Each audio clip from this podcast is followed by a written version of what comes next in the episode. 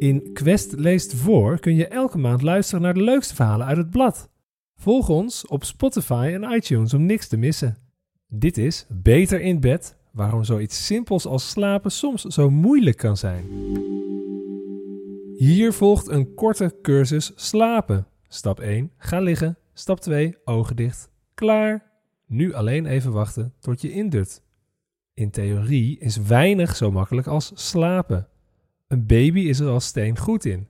En toch bedacht uw cursusmaker deze introductie een paar minuten voor vijf ochtends, terwijl hij woelend in bed lag. Stap 2 niet volgehouden, stom, maar in de praktijk is slapen niet zo eenvoudig, blijkt maar weer. Waarom is een goede nachtrust niet vanzelfsprekend? Eerst maar eens de vraag: wanneer heb je slecht geslapen? Als je een paar uur wakker lag na een spannende werkdag? Als je midden in de nacht wakker werd door vechtende katten buiten? In de praktijk wil het nog wel eens meevallen, zegt neuroloog Christel Casius van ziekenhuis OLVG in Amsterdam. Dat blijkt als je de hersenactiviteit van slapers vastlegt. In het OLVG worden mensen met ernstige slaapklachten voor een nacht volgehangen met meetapparatuur. Elektronen voor het brein, ademmeters en bewegingssensoren brengen dan precies in kaart hoe ze slapen. Daaruit blijkt regelmatig dat de werkelijkheid en de subjectieve slaapervaring flink uiteen kunnen lopen, vertelt Casius. Mensen die denken dat ze de hele nacht wakker hebben gelegen, sliepen in werkelijkheid bijvoorbeeld het grootste deel van de tijd. Maar doordat ze hyperbewust zijn van hun wakkere momenten, merken ze het telkens als ze wakker liggen. En de momenten dat ze niet wakker liggen, missen ze, want die kan je niet registreren. Ze zegt: Je registreert je slaap niet, alleen het laatste moment waarop je wakker was. Alles tussen de wakkere momenten ontbreekt. En dat werkt vertekenend. Ze zegt: Als je een paar keer wakker was en op de klok keek, lijkt het alsof je de hele tijd wakker was. Uiteindelijk denk je dan ook dat je veel wakker was en voel je je daarna veel minder fit overdag. Dat je af en toe wakker was in de nacht is juist alles behalve bijzonder. Iedereen heeft wel korte actieve momenten gedurende de nacht, vertelt Casius. Ze zegt: Je komt s'nachts af en toe omhoog om te checken of de omgeving veilig is. Dan ben je wakker of bijna wakker. Maar in de meeste gevallen herinner je je die momenten de volgende dag niet. Omdat je snel weer in slaap valt, heeft je geheugen geen tijd om de ervaring te registreren.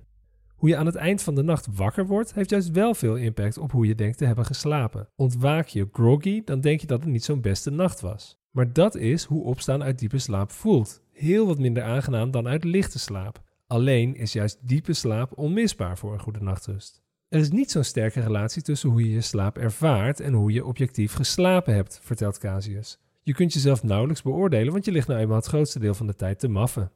En toch zijn we heel erg bezig met hoe we geslapen hebben. Stap 1 om beter te slapen is misschien wel daarmee op te houden. Het helpt om te accepteren dat we af en toe wakker liggen. Daar is namelijk weinig ongewoons aan, vertelt KNO-arts en slaapdeskundige Peter van Manen, Casius collega bij het OLVG. Hij zegt: Wanneer is iets een probleem? We hebben allemaal wel eens een slechte nacht.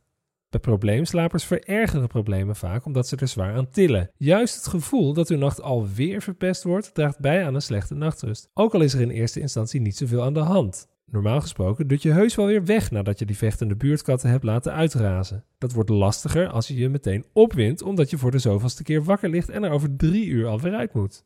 Wakker liggen is in veel gevallen ook best verklaarbaar, zegt Van Manen. Als je in een verbouwing zit, kan het ook zijn dat je slechter slaapt. Lig je even wakker, dan kun je dat maar beter gewoon accepteren. Het helpt niet om te gaan eten of meteen je mobiel erbij te pakken. Je bent even wakker en zult vast ook wel weer in slaap vallen. Word je je te bewust van de slapeloze momenten, dan nemen die waarschijnlijk alleen maar toe. Jezelf in slaap dwingen is nou eenmaal een ondoenlijke klus.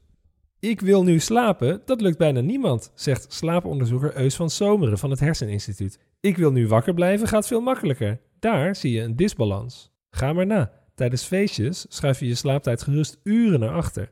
Op reis blijf je urenlang wakker om het vliegtuig niet te missen. En als Netflix alvast de volgende aflevering begint af te spelen, is nee zeggen ook niet makkelijk. Onszelf wakker houden kunnen we dus wel. Pas bij een heel stevig slaaptekort begin je te knikkenbollen zonder dat je er nog de baas over bent. In slaap vallen op aanvraag, daar kunnen we hooguit van dromen. Je kan nog zo graag willen maffen en intens verlangen naar nachtrust, maar dan doodleuk toch een paar uur wakker liggen. Dat komt doordat we veel minder actieve zeggenschap hebben over de hersencircuits die onze slaap regelen, vertelt Van Zomeren. Hij zegt: We leven toch wel met het idee dat iets kan als je het echt wilt. Maar er zijn heel veel dingen in je brein die heel lastig onder controle te brengen zijn. Je kan niet kiezen: ik wil nu ontspannen zijn en slapen. Vergeet het maar.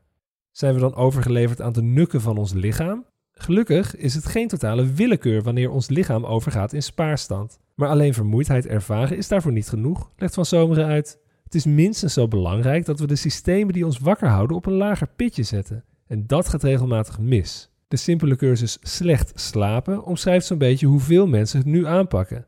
Stap 1: blijf s'avonds lekker druk. Stap 2: neem nog een drankje en ga naar bed. Stap 3: laat je wakker dreunen door een wekker. Heel wat avonden leven we kortom precies volgens het verkeerde boekje. Willen we beter slapen, dan hebben we ons meer te voegen naar ons lichaam. Of we dat nou willen of niet. Ja, je kan een bink zijn en wakker blijven wanneer je zin hebt. Maar vervolgens is je slaapritme zoek en blijft je lichaam ook wakker wanneer je dat juist niet wilt. Je kan dus beter slapen zoals je lichaam dat verlangt. Anders lever je al snel in op je nachtrust. Een leven als een rockster valt wel een beetje af, erkent Casius. Je moet op zoek naar regelmaat, vooral op een vaste tijd opstaan telt, liefst uit eigen beweging. Ze zegt, dat wil nooit iemand horen, maar dat is het wel, want anders heb je continu een jetlag.